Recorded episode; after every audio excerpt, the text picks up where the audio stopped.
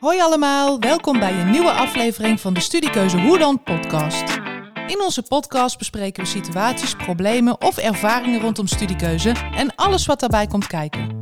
Mijn naam is Ellen en ik ben jullie host en hoop jullie wat meer te vertellen over keuzes maken en hoe je daarin dicht bij jezelf blijft, zodat jij een studie kiest die echt bij je past. Dus ga er lekker voor zitten, pak alvast iets te drinken en een snack of doe gewoon lekker je ding terwijl je luistert. Dan gaan we van start. Studie kiezen die echt bij je past, dat lukt je wanneer je voldoende zelfkennis hebt. En we gaan het vandaag in de podcast hebben over zelfinzicht. Uh, en daar gaan we een klein stapje in maken. Daar gaan we jou als luisteraar ook in meenemen. En ik heb vandaag een bijzondere gast, namelijk Anna. En ik ken haar van een tussenjaartraject uh, bij de Coaching Company. Welkom. Dankjewel, leuk ja. dat ik er mag zijn. Ja, heel leuk. En um, zelfkennis en studiekeuze, wat roept dat bij jou op? Oeh, um, nou ik denk zelfkennis sowieso een stukje zelfvertrouwen. Ik koppel dat heel, koppel dat heel snel aan een stukje zelfvertrouwen. Um, en voor mij heeft de zelfkennis ook wel gezorgd dat ik zelfverzekerd mijn studiekeuze kon maken. Ja. ja, mooi. Nou, dat wil toch iedereen? En beschikte jij eigenlijk over voldoende zelfkennis op het moment dat jij in je eindexamenjaar zat en stond voor die studiekeuze? Nee, nee, totaal niet. Nee, ik denk dat ik vooral gefocust was op um, nou, mijn eindexamen en gewoon dat als eerste. En ik voelde al wel heel duidelijk dat ik daar een soort van de ruimte voor wilde nemen om echt bewust een keuze te maken. Maar ik had gewoon geen idee, geen idee wat ik wilde en wat ik eigenlijk leuk vond. Want alle vakken op de middelbare school vond ik niet leuk. Maar ja, wat dan wel? Um, dus nee, totaal, eigenlijk totaal geen idee van wie ik ben of wat ik dan wel, wel wilde. Nee. Ja. En had je het idee dat je zelfkennis nodig had om die stap te zetten naar het maken van een studiekeuze? Ja, en onbewust vooral, denk ik. Want ik heb dus best wel lang mijn studiekeuze uitgesteld ook. Omdat ik het gewoon, nou, ik, ja, ik schoof dan op of ik weet het niet. En uh, ik denk dat dat vooral ook wel was omdat ik dacht, ja, maar ik weet oprecht niet wat ik wil bereiken of wat ik belangrijk vind. Dus hoe kan ik dan kiezen voor, uh, voor een goede studie? Ja. ja. Ja, nou, net als jij worstelen daar ontzettend veel jongeren in Nederland mee. Uh, nou, we hebben het al eens in een andere podcast genoemd, 1871 studies om uit te kiezen. Als je uh, geluk hebt en een VWO-NT-profiel hebt, zeg maar, dan uh, ligt de hele wereld voor je open. Dus het is eigenlijk niet zo gek dat het lastig is, zeg maar, om een studiekeuze te maken. Maar... Um, wat is nou precies eigenlijk zelfinzicht? En daar gaan we vandaag wat meer uh, bij stilstaan. Wat dat nou precies is, uit welke onderdelen zelfkennis bestaat en waarom zelfinzicht nou belangrijk is bij zoiets als het maken van een studiekeuze. Um, op onze website vind je ook een afbeelding die hierbij hoort. Op het moment dat je een keuze maakt, uh, zijn daar een heleboel dingen eigenlijk op van invloed. Die spelen daar een rol in, die spelen daarin mee. En um, dat zijn bijvoorbeeld de mensen die voor jou belangrijk zijn, mensen die een voorbeeld zijn voor jou, uh, verwachtingen die mensen van jou hebben, uh, suggesties die mensen jou doen. Weet je wat jij misschien dus zou moeten gaan studeren? Dit is een leuk idee voor je. en daarbij ook nog de maatschappij die daar invloed op heeft. de waarden in de maatschappij, de normen de mogelijkheden die er zijn, de verwachtingen die er eigenlijk zijn vanuit je omgeving of vanuit de maatschappij. Um, vaak ook hele onbewuste verwachtingen. Je hebt HAVO gedaan, dus ga je naar het HBO. Uh, als je VWO hebt gedaan, ga je dus naar de universiteit.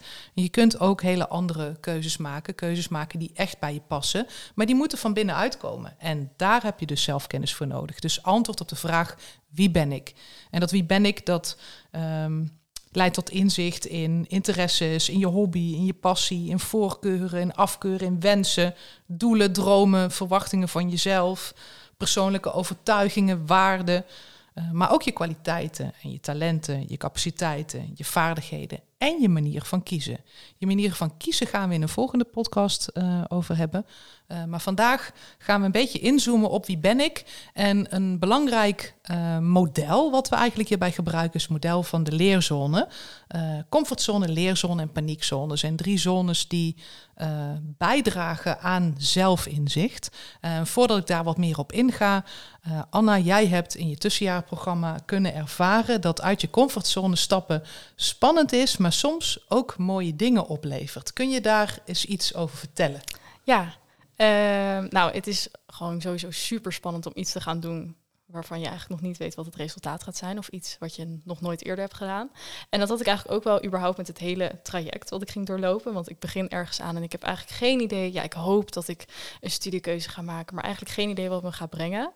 Ehm, en dat is ook al een stukje uit je comfortzone stappen. Dat je geen idee hebt wat er gaat komen. Ja, precies.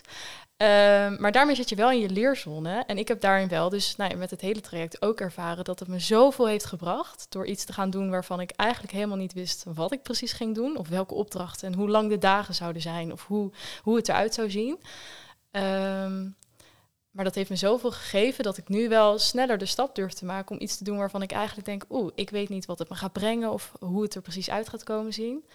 Ehm, maar ik voel ergens wel de soort van nou, sparkle dat ik het wil doen. Dat had ik ook bij dit traject. Ik dacht, ja, ik wil dit wel echt. Ehm, dan durf ik dat nu wel met iets meer zelfverzekerheid te doen. Dat ik denk, ja, ik zie gewoon wat het me brengt en eh, dan komt het wel goed, zeg Ja. maar. Mooi. Ja. Ja, je comfortzone zou je eigenlijk een beetje kunnen vergelijken met jij met lekker een dekentje op de bank voor Netflix. Eh, daar zit een beetje een verrassingseffect in, want je weet nog niet of die serie die je hebt aangezet wel een leuke serie gaat zijn. Maar goed, je weet wel een beetje wat de avond je gaat brengen of de dag je gaat brengen. Eh, en ja, dat, dan voel je je comfortabel. Maar of je daar echt iets leert of echt iets nieuws aan jezelf ontdekt, Zeer waarschijnlijk niet. En eh, zeer waarschijnlijk kijk je ook series of films die een beetje in je straatje passen. Of die in lijn liggen met wat je eerder al hebt gekeken. Hè, je vond dit leuk, dus dit moet je ook kijken, want vind je vast ook leuk. Eh, dat soort adviezen krijg je eigenlijk ook. Maar daarmee blijf je in je comfortzone en blijf je eigenlijk een beetje hangen in de dingen die je doet. En als je de dingen blijft doen die je deed, dan krijg je natuurlijk ook wat je kreeg. Krijg je geen nieuwe leerervaringen. Dus het idee is dat je ook af en toe eens van die bank afkomt, eh, onder dat dekentje vandaan en in je leerzone stapt en dus gaat kijken wat er allemaal daarbuiten is. Maar dat is soms best wel spannend, want heb je wel de skills ervoor, heb je wel de kennis ervoor, kun je dat wel, heb je daar genoeg zelfvertrouwen voor? Soms moet je gewoon maar in het diepe springen eh, en het dan maar ervaren. En het leuke is van die leerzone dat hoe meer je daar leert, hoe meer nieuwe kanten je van jezelf eigenlijk leert ontdekken, eh, hoe groter eigenlijk je comfortzone weer wordt. Want wat eerst niet in je comfortzone zat, wat eerst je leerzone was, op het moment dat je het onder de knie hebt, wordt dat uiteindelijk ook weer je comfortzone. Dus je comfortzone wordt steeds groter. En daarmee kun je dus met veel meer zelfvertrouwen eigenlijk je staande houden in de wereld en ook andere of nieuwe keuzes maken of terugkomen op keuzes. Je weet altijd, je kunt terug naar de basis en vertrouwen op jezelf. En dat is natuurlijk gewoon ja, heel belangrijk en heel fijn om te doen. Dus vandaar ook denk ik dat zelfvertrouwen dat jij daaraan koppelt. Ja. Ja, en ik denk dat ik dat sowieso dus heel erg heb ervaren dat die comfortzone steeds groter wordt. Doordat, nou, ik heb dat bijvoorbeeld dus heel erg met eh, het dingen delen van wat ik heb meegemaakt of hoe ik ergens over denk. Dat hebben we tijdens het traject heel veel gedaan. En in het begin is dat, vond ik dat gewoon heel erg spannend om te doen. Omdat je dan iets persoonlijks gaat vertellen. Ja, en hoe gaan mensen dan reageren? En wat moet ik dan zeggen? En, Ja. en nou ja, er kan heel veel gebeuren. En ik merk dat ik dat nu, nu tijdens mijn studie of gewoon sowieso in het contact met andere mensen, zoveel makkelijker mijn eerlijke verhaal vertel. Omdat ik gewoon die, die comfortzone is groter geworden. En die basis voel ik nu gewoon dat ik dat kan en dat durf ik gewoon. ja. Eh, en dat is, een heer, dat is een heel fijn gevoel. ja. Ja, ja, is Ja. fijn. Heb je gewoon bepaalde ballast of stress of gedachten, hoef je niet meer te hebben. Nee. Eh, nee, ja, Nee. super fijn. Wat misschien nog wel belangrijk is, eh, wat ik jou als luisteraar wil meegeven, is dat uit je comfortzone stappen niet betekent dat je dingen moet gaan doen die niet bij je passen, of die niet bij jouw norm of waarde horen, of eh, die niet in lijn zijn met wat eigenlijk ook eh, bij jou hoort of bij jou past. Uit je comfortzone stappen betekent gewoon nieuwe avonturen aangaan, nieuwe dingen doen eh, en daarvan proberen te leren, maar niet ineens gaan bedenken, oh nou dan, we hebben het niet over bungee jumpen of over gaan experimenteren met drugs of wat dan ook. Het gaat er gewoon echt om dat je jezelf van nieuwe kanten zeg maar gaat leren kennen en gaat proberen die comfortzone wat op te rekken. Ehm, ik zelf ben wel eens aan het oprekken geweest van mijn comfortzone. Dan kom je in je leerzone. Maar als je dat net iets te veel doet, dan beland je in je paniekzone. En in je paniekzone, daar leer je helemaal niks meer. Dan ga je eigenlijk weer gewoon totaal terug naar het centrum, de comfortzone. En eh, dan ja, zit er nergens meer beweging en leer je niks meer. En voor mij was dat een moment, ik heb eh, last van hoogtevrees. Dus alles wat daarmee te maken heeft, dat zit echt in mijn paniekzone. Maar tegelijkertijd hoogtevrees, denk ik, is de stelling, zit in je hoofd. Het is niet iets reëels. Dus eh, dat maak ik mezelf eigenlijk wijs dat hoogtes gevaarlijk zijn. Dus wij gingen een mooie bergwandeling maken met het gezin. En ja, dan is er een moment waarop ik eh, gewoon fijn aan het wandelen ben. En dus in mijn leerzone zit en denk, oh, kijk, ik kan hier al lopen en ik kan al van dit uitzicht genieten. Maar er was een moment, er moest een heel smal paadje. En uh, ja, ik raakte totaal in mijn paniekzone. En wat er dan gebeurt, dat is op zich achteraf misschien wel grappig. Dan lig ik plat op een berg. En dan denk ik, oké, ik ga helemaal nergens meer heen. Uh, mijn gezin staat dan om mij heen en mij te motiveren. Kom op, je kunt het. En, en ik denk alleen maar, nee, laat mij hier maar liggen. Nou, het feit dat ik hier nu deze podcast met jou, Anne, zit op te nemen... wil zeggen dat ik van die berg ben afgekomen. uh, dus het is gelukt. Maar je paniekzone, dat is niet fijn. Dus uh, ja, je comfortzone oprekken, dat gaat echt over jezelf beter leren kennen in allerlei situaties of opdrachten, in gesprekken met mensen, in nieuwe ervaringen op gaan doen, jezelf in een nieuwe situatie plaatsen. Um, kun jij een voorbeeld nog aanhalen van een opdracht of iets waarin jij uit je comfortzone stapte en in je leerzone terecht kwam? En misschien een voorbeeld waarin je dacht, nou, dat was misschien toch wel ook achteraf gezien een paniekzone. Um, nou, dan begin ik even bij de paniekzone. Er was een opdracht en daar, daarmee gingen we afstappen op onze grootste angst. En steeds een stapje dichter bij de grootste angst. En uh, dat was achteraf wel echt mijn paniekzone. Ik had heel veel lieve mensen om me en ik wilde het ook wel echt doen. Maar ik als ik er nu naar terugkijk, voel ik wel echt aan alles dat dat echt. Ik kwam eens gewoon te stapjes te dichtbij. Ik was daar gewoon op dat moment echt nog niet klaar voor. En dat uitte zich echt in alleen maar huilen. En ik kon dus ook niet meer vertellen dat ik wilde stoppen, omdat ik alleen maar aan het huilen was. En dat is wel. Nou ja, nu ben ik daar dus als ik op het moment dat ik echt begin te huilen en echt alleen nog maar kan huilen, weet ik gewoon, ik moet stoppen nu en dan gewoon even eruit. Uh, of van de berg af, zeg maar. Want het is gewoon te ver. Dit is gewoon een stapje te ver.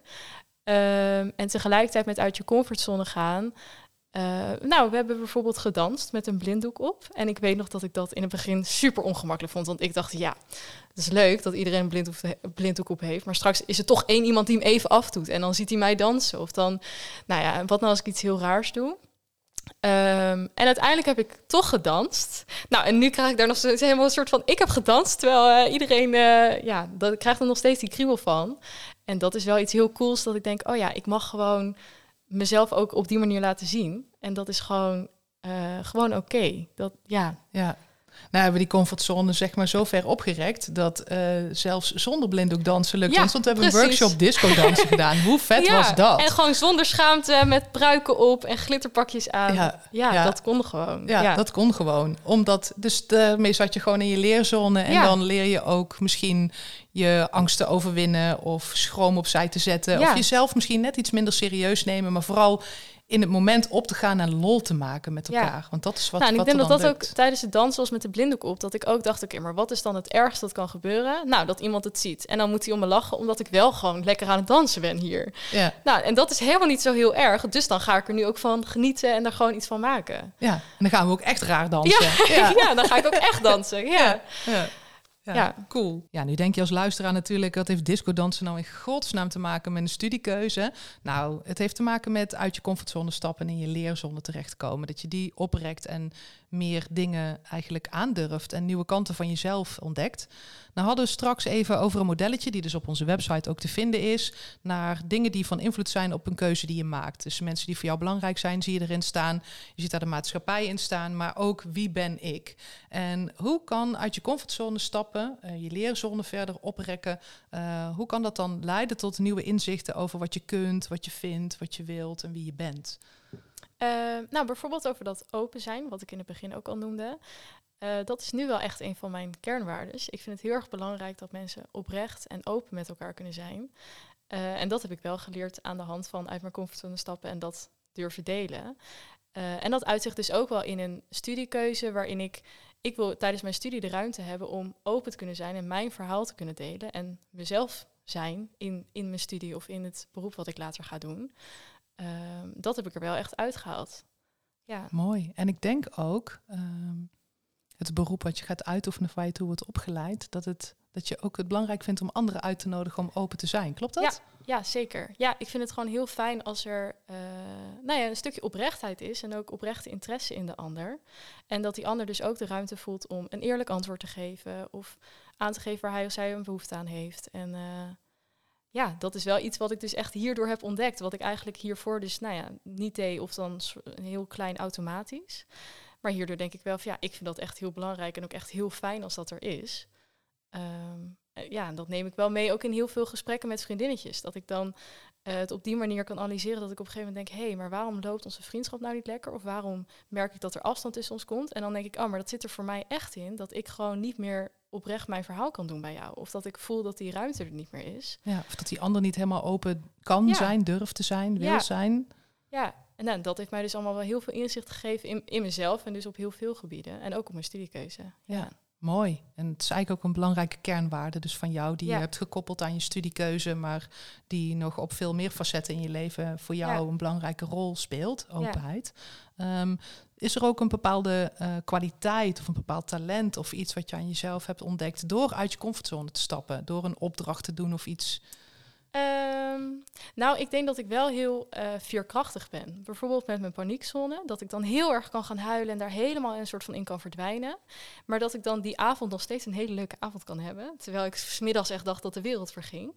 en ik s'avonds gewoon gezellig met vriendinnen een wijntje kan doen en helemaal een soort van daarop kan focussen.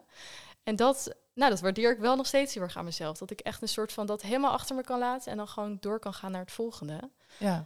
Uh, ja, dat vind ik wel een hele, fijne eigenschap. Ja. ja. Want je kunt ook blijven hangen natuurlijk in je paniekzone. Ja, inderdaad. Maar ja. je bent daar dus heel flexibel in. Dat is ook wat je hebt ontdekt. Ja. Dus ergens ook wel goed dat je jezelf bent tegengekomen in je paniekzone. Zodat je weet hoe je reageert in bepaalde situaties. Maar ook dus wat je kunt doen om jezelf uit de situatie te halen. Uh, en niet daarin te blijven hangen.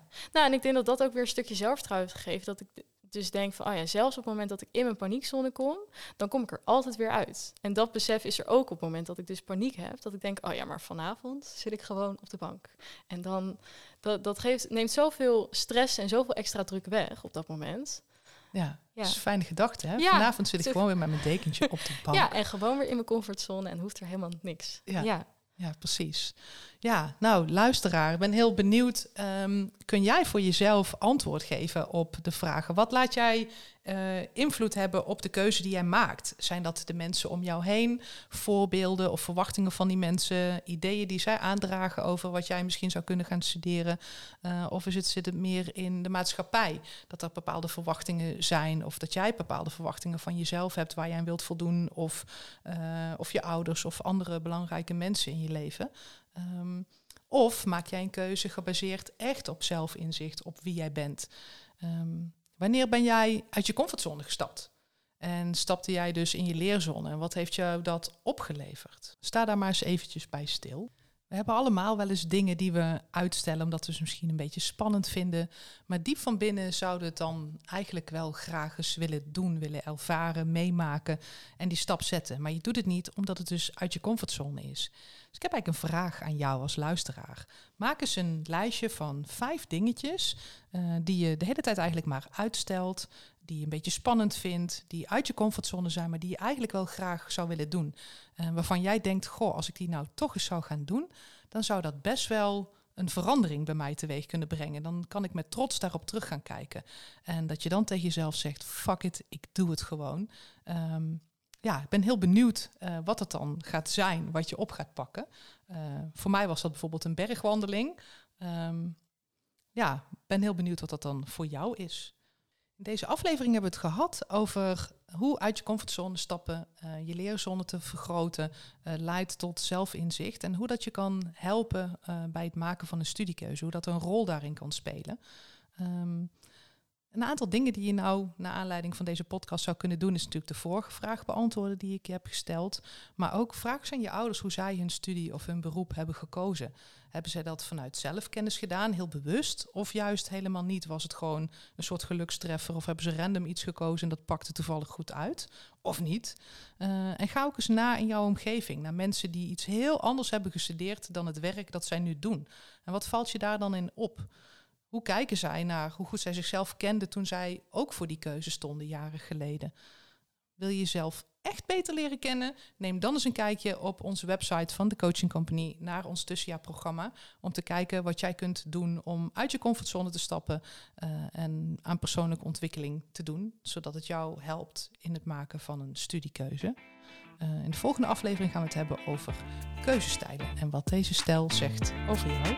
Dus blijf luisteren.